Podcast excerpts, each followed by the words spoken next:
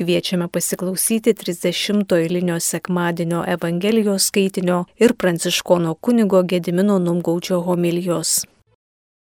Pasiklausykite Šventojios Evangelijos pagal Matą. Fariziejai išgirdę, kad Jėzus privertęs nutilti sadukėjus, susirinko draugin. Ir vienas iš jų įstatymo mokytojas, mėgindamas jį paklausė, mokytojau, koks įsakymas yra didžiausias įstatymė? Jėzus jam atsakė, mylėk viešpatį savo Dievą visą širdimi, visą sielą ir visų protu. Tai didžiausias ir pirmasis įsakymas. Antrasis panašus į jį - mylėk savo artimą kaip save patį. Šitais dviem įsakymais remiasi visas įstatymas ir pranašai. Viešpaties žodis. Pabūkim tyloj su viešpačiu ateinančiu pas mus per žodį. Tikriausia neįprasta. neįprasta būti su Dievu va taip paprastai tyloj būtinai reikia ką nors veikti, poterius kalbėti. O ar būna momentų, kad būtų mums malonu tiesiog būti kartu, vien su kitu. Būti tyloj, sėdėti, žiūrėti viens į kitą, gerėtis viens kitu, tiesiog būti šalia. Ar prisimenat, kai buvote įsimylėję ir būdavot apsikabinę viens su kitu?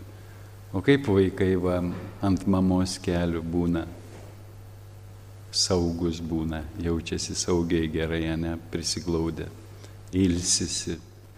Viešpats mus irgi kviečia į savo artumą, į savo glėbį, kad tiesiog e, džiaugtumės juo, būdami su juo, būdami jo glėbį, jo meilėje, pasinerdami jį dvasioje. Jeigu mes mylime kažką, paprastai trokštame būti su mylimu.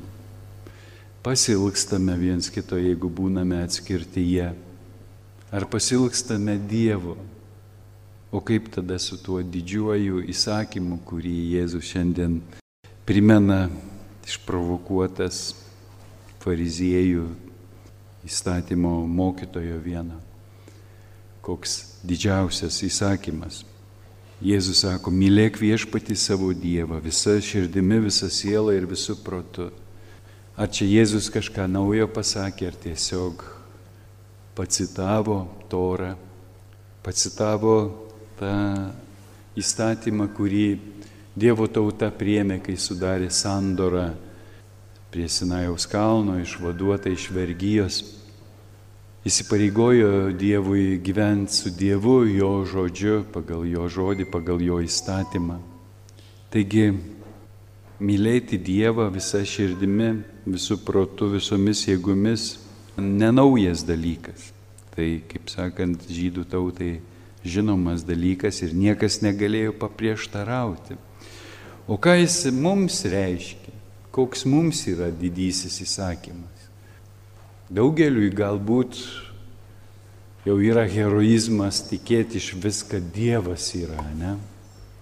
O kad Dievo mylėti, nu, tai kažkaip taip kaip iš fantastinės ryties. Nu kaip čia tą Dievo mylėti, kurio nematai, kurio nejauti. Kaip jį mylėti? Ir dar mylėti visų protų. Ką reiškia mylėti visų protų? Nu, va, kai jūs mylit viens kitą, kaip jūsų protas veikia mylimo atžvilgiu. Jūsų protas dirba, kurdamas planus, kaip pradžiuginti mylimą, ne? Kaip čia šventę suorganizuoti, kokį čia surprizą padaryti, kokie čia dovaną padaryti, kaip čia sukombinuoti, kad būtų proga pabūti su mylimu, ne? pabėgti kur nors. Ir veikia protas mes su džiaugsmu po kelis kartus skaitom laiškus iš mylimo gautus, ne, džiaugiamės tuo tekstu ir panašiai. Taigi mūsų protas veikia ir mūsų protas ieško, ieško artumo su Dievu, padeda mums suartėti su Dievu, padeda mums kažką gero dėl Dievo padaryti, protas veikia. Ar protas čia gali būti pajungtas, pavyzdžiui, myliu Dievą ir skaitau jo laiškus man parašytus. Tai šventas raštas kaip laiškas man, laiškas kiekvienam žmogui visais laikais, visoms kartoms galiojantis kaip asmeninis laiškas, kuriame Dievas prisistato mums, koks jis yra, ką jis yra padaręs žydų tautai. Bet ir, ir žydai tokį turi supratimą, švesdami šventes, jie tapatina save su visomis kartomis ir sako, ką viešpats padarė mano protėviams, išvesdamas juos iš Egipto, ką padarė Abraomui, man padarė, ką padarė Juozapui, man padarė, ką padarė Mozei, man padarė. Taip ir mes, būdami Kristaus kūno nariai, sujungti dvasiniais ryšiais bažnyčioje, kaip papaštalas Paulius mus moko, irgi esame sujungti su kartu kartomis, su bažnyčia. Ir su jos klaidomis, ir su jos pergalėmis, ir su jos nuopoliais, nuodėmėmis. Galbūt jums neįprastai skamba iš kunigo lūpų, bažnyčia padarė klaidų, juk tai taip pavojinga bažnyčios prestižui. O bažnyčia esame mes, esame žmonės, esame silpni, klystantis žmonės, esame nuolat bandomi žmonės. O žydų tauta, išrinktoji Dievo tauta padarė klaidų, o dar kokių baisių nusikaltimų. Ir viešpats rūstavo ant jų ir jie užsitraukė blogų pasiekmių ir daug kartų buvo išžudyti dėl savo atsiskirimo nuo Dievo. Ir viešpats sakė, jūs mane palikote, tai ir aš jūs paliksiu. Ir dabar pažiūrėsim, kas jums bus, kad jūs mane palikot. Mes tai linkę žiūrėti kaip į bausmę, Dievo bausmę. O, jis pažadėjo mus mylėti, bet mus paliko. Mes jį paliko, mes nuo jo atsiskyrėm. Ir jis palieka, kad mes patirtume, ką reiškia būti be Dievo, ką reiškia gyventi be Dievo. Nežinau, ar tai gyvenimas, bet, na, ir štai ištinka bėdos, okupacija, prievarta, smurtas, žudimas, išnaudojimas. Bet viešpats sako, visada, kada jūs šauksitės manęs, aš sugrįšiu, išgydysiu jūsų žaizdas ir nubausiu tuos, kurie kišo rankas prie jūsų. Ar mums galioja tie žodžiai, ar tik žydams galioja tie žodžiai? Galioja ir mums, nes mes tikėjimu per krikštą esam, kaip papaštalas Paulius sako, įskiepyti tą kilnų į alyvmedžio kelmą, iš kurio pareina gyvybė ir mums, Kristaus kūnui priklausantiems. Ir mes esame panašiai surišti per kartų kartas su tais, kurie buvo išvesti iš Egipto ir kurie gyveno dykumoje ir kurie sudarė sandorą prie Sinajaus kalną. Ar tą sandorą Jėzus panaikino, ar panaikino dešimt Dievo įsakymų? Ne, jis sakė, nepanaikinti atėjau, išpildyti atėjau. Bet apaštalas Paulius mums padės susivokti ir pakoreguos, kad neįstatymas mus nuteisina, kaip žydai buvo įsitikinę Jėzaus laikais ir dėl to nepajėgė priimti Jėzaus Jėzaus įsikūnijusios Dievo meilės, gailestingumo ir atleidimo Jėzuje Kristuje, buvo sudėję viltis į įstatymo vykdymą ir galvojo, kad įstatymas juos nuteisins, bet įstatymas nenuteisina, jis tik parodo, kas yra nuodėmė. Ir Jėzų prieimusiam žmogui nereiškia, kad jis gali jau laužyti įstatymą. Jėzų prieimusiam žmogui kaip tik atvirkščiai pasikeičia motivacija, jeigu Dievo meilės nepažinusiam žmogui įstatymo laikymasis yra surištas su bausmės baime, tai dabar pas mus turėtų būti kitas santykis į įstatymą. Mylint Dievą, aš trokštų išpildyti jo įstatymą, jo įsakymą, pasitikėdamas jo meilę, tikiu, kad jis trokšdamas man laimės kaip kūrėjas žino geriausiai, ko man kaip kūriniui reikia, kad aš būčiau laimingas. Nes pagal savo supratimus gyvendami mes tikrai padarom visokių klaidų ir nusikaltimų ir turim blogas pasiekmes gyvenime. Bet kai gyvename Dievo žodžiu, retas, kuris Na, nežinau žmogaus, kuris būtų nusivylęs arba jis neteisingai interpretavo, galbūt kaip ir Jėzaus laikais žydai, rašto aiškintojai ir fariziejai buvo sudėję viltis į įstatymą, kad jis pats įstatymas mane nuteisins ir pašventins. Bet ir vakar su Zakristijonu kilo klausimas Zakristionui, ką žinai, išpažintis galioja, jeigu be stulos kunigas klauso išpažinties. A negalioja. Ar išrišimo gale pareina iš skudurėlio, ar iš viešpaties. Tai kam tada tas tula? Nu, jį yra ženklas. Kunigystės, tarnystės ženklas. Dievo malonės esančios su tuo asmeniu, kuris tarnauja toj srity ženklas. Bet ne iš tos tulos pareina malonė. Iš Dievo pareina malonė. Bet va žmonės dažnai sumaišo, sudeda viltis į ritualus, o ne į tą, kurį tie ritualai kaip šešėliai tik atspindi. Jie turėtų padėti mums susiorientuoti kaip ženklai, atsiverti tam, kuris ateina pas mus dvasioje, kad priimt gyvą į Dievą, priimt jo meilę, jo atleidimą. Ir kad patys prisipildę jo dvasia, jo meilę gyventume meilę. Ir šiandien Dievo žodis mums primena reikalą mylėti viešpatį savo Dievą visa širdimi, visa siela ir visų protu. Na, visa širdimi, tai mes dažniausiai galvojam, kad mes, na, jausmais turim mylėti Dievą. Siela. Ką reiškia mylėti visą sielą? Visą gyvastimi, visą būtimi, ar kaip čia pasakė. Būdami visiškai jam atsidavę savo gyvybę jam paukoja, jam dovanoja, kaip santuokoj sužadėtinis ir sužadėtinė viens kitam ištardami meilės priesaiką save dovanoja viens kitam. Taip mes ir krikšte save dovanojame Dievui. Ir priimame Dievą, kuris mums save dovanoja šventosios dvasios asmenyje į mūsų širdis, į mūsų gyvenimą, ant mūsų nužengė šventoji dvasia. Kaip ant Jėzaus nužengė krikšto metu. Čia aš galiu priminti ir vėlgi vakarykštį klausimą, kaip sakant, bus proga pagilinti, gal ir kitiems kilo klausimų. Vakar susidraskęs važiuoja ir neturi ramybės. Gediminai atsakyk man, neužmigsiu šį vakarą.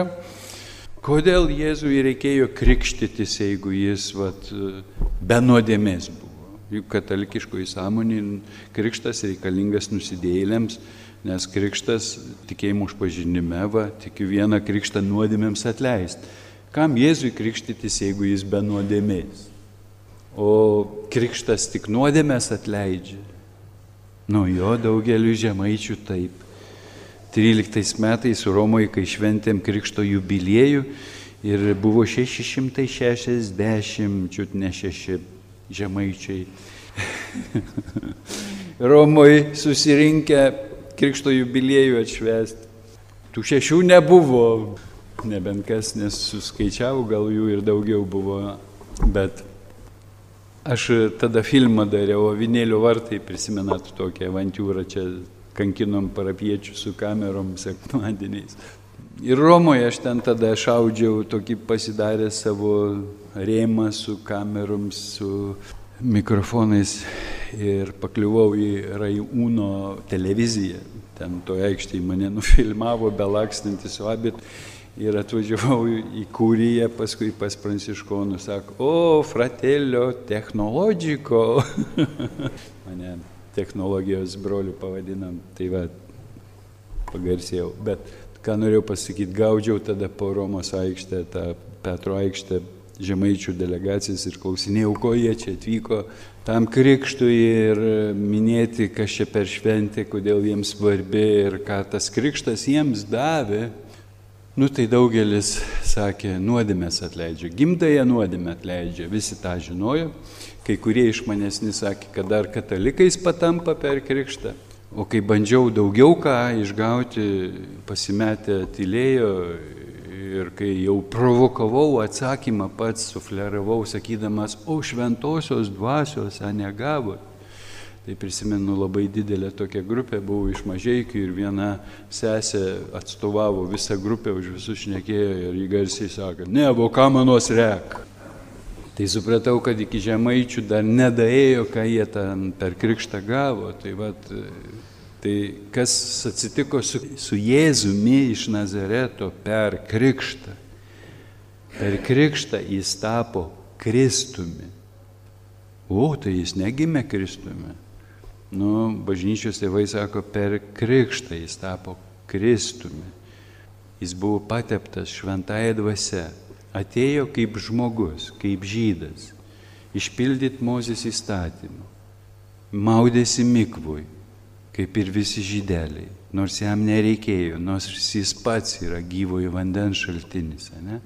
Bet kaip žmogus žmogišką prigimtį priemęs davė mums pavyzdį, išpildė įstatymą Ir e, po to krikšto dvasios gale nuvestas į dykumą, buvo gundomas, o po to atėjo į Nazaretą, laimėjęs dykumoji kovą, atėjo į Nazaretą ir atvertęs Izaijo pranašystę skaitė viešpaties dvasia ant manęs, jis patepė mane, kad neščiau gerąją naujieną vargdienėms, siuntis, kelbti belaisvėms išvadavimo, klėsiams regėjimo. Ir sako, šiandien įsipildė jūsų girdėti rašto žodžiai.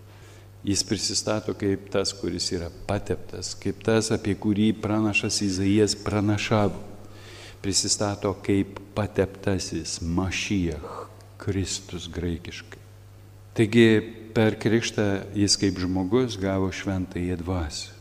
Nors buvo Dievo sūnus, bet kaip raštas sako, jis paslėpė savo dievybę, godžiai nesilaikė savo lygybę su Dievu, prisimdama žmogaus prigimtį ir nors buvo be nuodėmės, krikštijosi, tame gyvajam vandenį pasinėrė, galbūt 12 kartų, nežinau kaip ten Jonas nardino žmonės tame Jordano vandenį.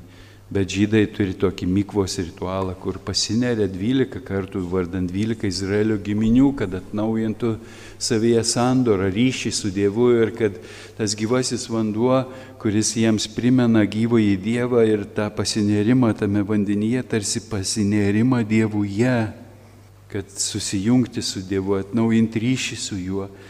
Ir Dievas, būdamas gyvasis vanduo, nuplauna žmogų nuo visų mirties darbų, būdamas gyvybės šaltinis. Ir žmogus atsinaujinęs, apsisprendęs už gyvenimą su Dievu, pagal Dievo žodį, apsisprendęs už Dievo reikalą, drąsiai gali vaikščioti Dievo akivaizdu. Kitaip jis skaitosi rituališkai nešvarus, jeigu jam kažkas atsitiko, kažkur jis kažką palėtė nešvaraus, arba tiesiog, kaip žydai suprato, kad nuodėmė sužeistas žmogus yra pažeidžiamas mirtimi. Taigi, daug visokių tokių reikalų, kurie ateina į mūsų gyvenimą per ženklus, kai mes tikėjimu juos priimame. Mes per krikštą ne tik nuplauname nuo nuodėmės, mes per krikštą susijungiame su tėvu, sunumi ir šventąją dvasia, kurie apsireiškia per Jėzaus krikštą. Ir su mumis tas pats atsitinka, kas su Jėzumi atsitiko per krikštą. Mes tampame Kristumi, tampame pateptaisiais. Ta patepimą atvaizduoja Chrismos aliejus. Mums suteikiama gale būti karaliais, kunigais ir pranašais ir daryti mesijo darbus, tęsti Jėzaus darbus su jo dvasios jėga, jo vardo garbiai, priklausydami jo kūnai. Taigi ir tas mylėjimas visą sielą visa širdimi išreiškiamas santuokoje, kai du mylintis viens kitą žmonės susitinka, susijungia, tampa vienu kūnu, taip ir krikšte mes tampame tarsi vienas su Dievu, pasinerdami viešpatyje. Ir Jėzus sako, pasilikite manyje ir aš jumise pasiliksiu. Jėzus visą save dovanoja, Jėzus myli mus visą širdimi, visą gyvastimi, atiduoda tą gyvybę už mus, kad mes gyventume Dievo vaikų gyvenimą ir kad mes taip pat trokštume mylėti Dievą, būti su juo taip, kaip Jis trokšta būti su mumis. Kai Jis kalba apie meilę, Jis sako, aš myliu tave, esu su tavim nieko nebijok. Ir kitas, mylėk savo artimą kaip save patį. Kaip mylėti artimą, kaip save patį. Bet daugybė žmonių šiandien nemyli savęs. Jų širdise yra įskiepita neapykanta jiems. Per patyčias, per vertinimą tam tikrą lyginimą. Kai tėvai lygina vaikus, va tavo brolis šaunuolis, o tu lebeda šioks toks ir panašiai. Ne, aš įrodysiu, aš vertesnis ir tada forsuojam gyvenime kažką. Ir pagaunam, kad ne mus myli, ne mes reikalingi, bet mūsų kuriamas gėris kitiems reikalingas, kaip menininkas koks nors ten ar dainininkas padainuoja, visi žavisi jo balsu, jo atlikimu, bet po koncerto jis vienišas ir niekam nereikalingas dažnai būna ir ieško paguodos vyno taurelėje ar dar kur nors. Taip jau atsitinka, kad mes mylime tą naudą kažkokią, o ne patį asmenį dažnai. Ir vertinamas tas, kuris kažką pasiekęs, kuris kažką sukūrė. Bet Dievo akise mūsų vertė ne nuo to, kokiomis dovanomis mes apdovanoti, kokius turime pasiekimus moksle ar karjeroje ar profesijoje. Dievas myli mus dėl to, kad jis yra meilė. Ir mūsų vertė yra iš Dievo mumise, dėl to, kad mes sutverti pagal jo paveikslą, dėl to, kad mes atpirkti jo krauju, dėl to, kad mes apdovanoti šventąją dvasę, pašaukti gyventi Dievo vaikų gyvenimą ir paveldėti karalystę. Jis užmokėjo už mus brangę kainą ir negali mūsų įsižadėti. Jis trokšta, kad mes būtume amžinai su juo ir jame ir tame būtume laimingi. Ir to paties jis trokšta, kad mes mylėtume viens kitą, viens kitą met pažindami jį. Jėzus sako, ką padarėt vienam iš mažiausių brolių, man padarėt. Jeigu mane mylėte, laikysitės mano žodžių, klausysite manęs.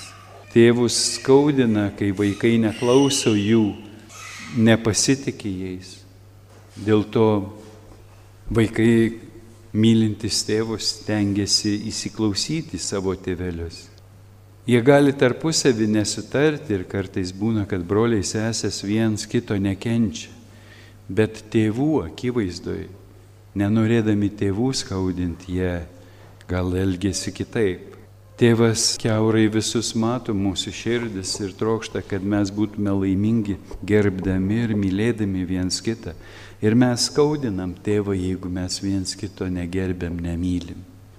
Ir kad mes auktume meilėje, kad auktume nugalėdami kliūtis, kai šetonas daro viską, kad būtų neįmanoma mylėti tam tikrų žmonių, net gal grupių ar, Arba kaip su žydais atsitiko, kad tiesiog tautos nemylima, nekenčiama tauta. Dėl, ko, dėl to, kad ji priklauso Dievui, dėl to, kad jie apdovanota Dievo dovanomis, kaip jis nori, taip ir daro, pasirinko, jis laisvas, jis autonomiškas, o mes pavydim kaip kainas abeliui ir galbūt įsileidžiam neapykantą į savo širdį ir skaudinam tėvą. Ir prie ko priveda ta neapykanta? Prie žudimo, prie keikimo, niekinimo, šmeižimo, melo, smurto, prievartos, mirties. Ir ne tik žydų atžvilgių.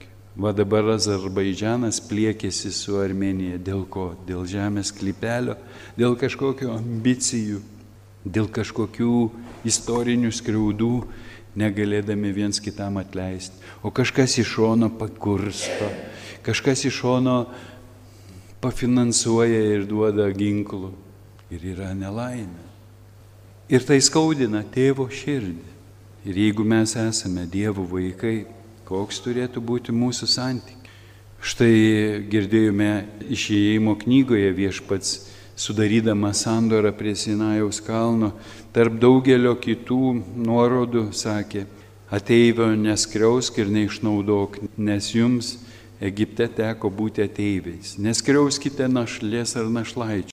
O jei tu juos skriausi ir jie mane šauksis, tuomet aš jų šauksmą išgirsiu. užkils mano rūstybė ir jūs kalaviju pražudysiu. Tada jūsų žmonos liks našlės ir sūnus našlaičiai. Kai skolini pinigų mano tauto žmogui, kaiminystėje gyvenančiam vargšui, nebūk jam lupikas, visai nereikalauk iš tokio palūkanų. Jei iš tautiečio paimtum užstatų apsiaustą, gražink iki leidžiantį sauliai, juk tai jo vienintelė antklodė, jo kūno apklotas. Kiek detalių toje kultūroje, toje situacijoje viešpats diktavo mozei tautai. Kartais atrodo, tarsi ypatingai kvailėms būtų diktuojama. Bet ko gero mums reikia, nes mes pratę visai išvartyti ir interpretuoti dalykus.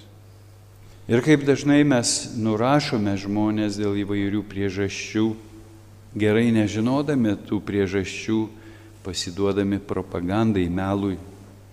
Dabar vyksta kipišas, pavyzdžiui, ne, rinkimų įkarštyje, Laisvės partija džiaugiasi laimėjimu, kad popiežius vat, pasisakė už linksmučių teisės. Ir susiskaldė katalikai tarpusavį, vieni džiaugiasi ir laukia naujų permainų bažnyčioj, kiti pyksta, kaip čia gali taip popiežius, va jau visai pasaulio pabaiga girdėjau tokių pasisakymų. Ir vėl išprovokuojama neapykanta kitokiems. Ir laukia, ką kunigai, ką viskupai pasakys, kaip pakomentuos. Ei, šiandien čia yra tokia grupė, ne, anoniminiai alkoholikai. Susirinkimą turi kiekvieną paskutinį sekmadienį. Ir aš iš jų išmokau pakūtoj nespręst už kitą apie kitą. Yra tokia taisyklė pas mus, ne? Nestatyti diagnozių, nespręsti už kitą apie kitą. Ir aš nekalbėsiu už popiežių apie popiežių. Palauksiu, kol jis pats pasiaiškins, ką jis ten prieš du metus tame interviu norėjo pasakyti. Nes dabar visi interpretuoja už popiežių, ką jis norėjo pasakyti. Iš konteksto išimta kažkokia dalelė ir jau pasaulio pabaiga. O paskui praeis vajus, Amerikai pasibaigs rinkimai popiežius, o jis sakys, čia nesusipratimas, tada kažkas buvo, ne? O gal ir, ir ne. O gal iš tikrųjų reikia įsiklausyti, ką popiežius nori pasakyti, bet tai nėra jo dokumentas. Jeigu jis kaip žmogus ir jeigu dar toj čiliai jį ten sunervojo klerikalai, kaip sakant, visko galėjo pašnekėti, kaip Mozė, prisimenat, dykumoje buvo davestas tautiečių, kad neapgalvotai nušnekėjo. Ir dėl to į pažadėtą žemę nebeėjo. Net tiek, kad mirties troško. Įsivaizduojat? Gyventi nebenorėjo. Mozė, mesijas žydų išvedęs iš Egipto vergyjos, tautiečiai buvo dekalė. O gal ir popiežius yra davestas, kaip sakant. O gal ir Dievas yra davestas bažnyčiose. Veidmainiškumo krikščionių. Jie garbina jį maldomis, gėda giesmes meilės, o širdis šaltos, abejingos ir toli. Aukoja iš išskaičiavimo, o ne iš meilės. Dievas ieško meilės, o mes įstatymą kišam jam į akis. Va kokie mes geručiai, mes įstatymų laikomės, o Dievas sako, meilės aš laukiu iš jūsų. Užknisot jūs mane. Kaip Jėzus prakeikė figmedį ir jis nudžiuvo iki šaknų šaknis nenudžiuvo, detalė tokia. Visada gali iš naujo pradėti. Taip, egzegetai sako, kad tai apie šventyklą. Užsišnekėjau, žadėjau trumpai išnekėti šiandien. Reikia baigti. Bet ta pandemija pasaulinė ir tos užsidariusios bažnyčios ir kad žmonės nebeprieina prie kunigų. Ir žinot, kas per šį pandemijos laikotarpį Google buvo didžiausiame pageidavime. Pirmą vietą užėmė pageidavimai, ieškojimai Google. Žinot, ko ieškojo žmonės. Nu, paprastai vyrukai ieško gražių paveiksliukų, ne? Google. Bet per pandemiją pasirodo viršė paieška maldos. Nuotolinės maldos, prie ko nors prisijungti kartu melstis. Viešpats daro naujus dalykus. Taigi jis trokšta, kad bažnyčia atsinaujintų, kad atsinaujintų meilėje, kad žmonės pabustų, išsivaduotų iš prietarus, tad meldyščių, savo supratimu ir grėžtųsi į viešpatį visą širdimi, visų protų, visą sielą, kad mylėtų viens kitą kaip save patį kad pažinę jo meilę pamiltų save ir priimtų save tokius, kokie yra. Ir kad pamilę save, prieimę save tokius, kokie esame, priimtume ir viens kitą, kitokį. Priimtume su Dievo meile. Ir liūdydami viens kitam Dievo meilę, padėtume atsiverti tai meiliai, išsivaduoti iš šetono klastų, pančių ir pasiektume amžiną gyvenimą. Visiems mums reikalingas išganimas. Už visus Jėzus numirė ir visų laukia, nežiūrint kokių nuodėmių priklausomybėje mes būtume atsidūrę. Ir seksualinės pakraipos irgi yra iš tos pačios serijos. Amerikoje vyko prieš keletą metų, gal prieitais metais, demonstracija žmonių, kurie išsivadavo iš tų priklausomybių ir šlovino viešpati, kad viešpats atvėrė jų akis, kad išlaisvino jų kūnus iš seksualinių priklausomybių. Taigi mes visi siekiame laisvės, kad galėtume laisvai pasirinkti gyventi meilę, tiesą, tikėjimu, Dievo žodžiu. Ir tos laisvės niekas neturi iš mūsų atimti bet dažnai už ją reikia pakovoti. Amen. Kalbėjo pranciškonas kunigas Gediminas Numgaudis.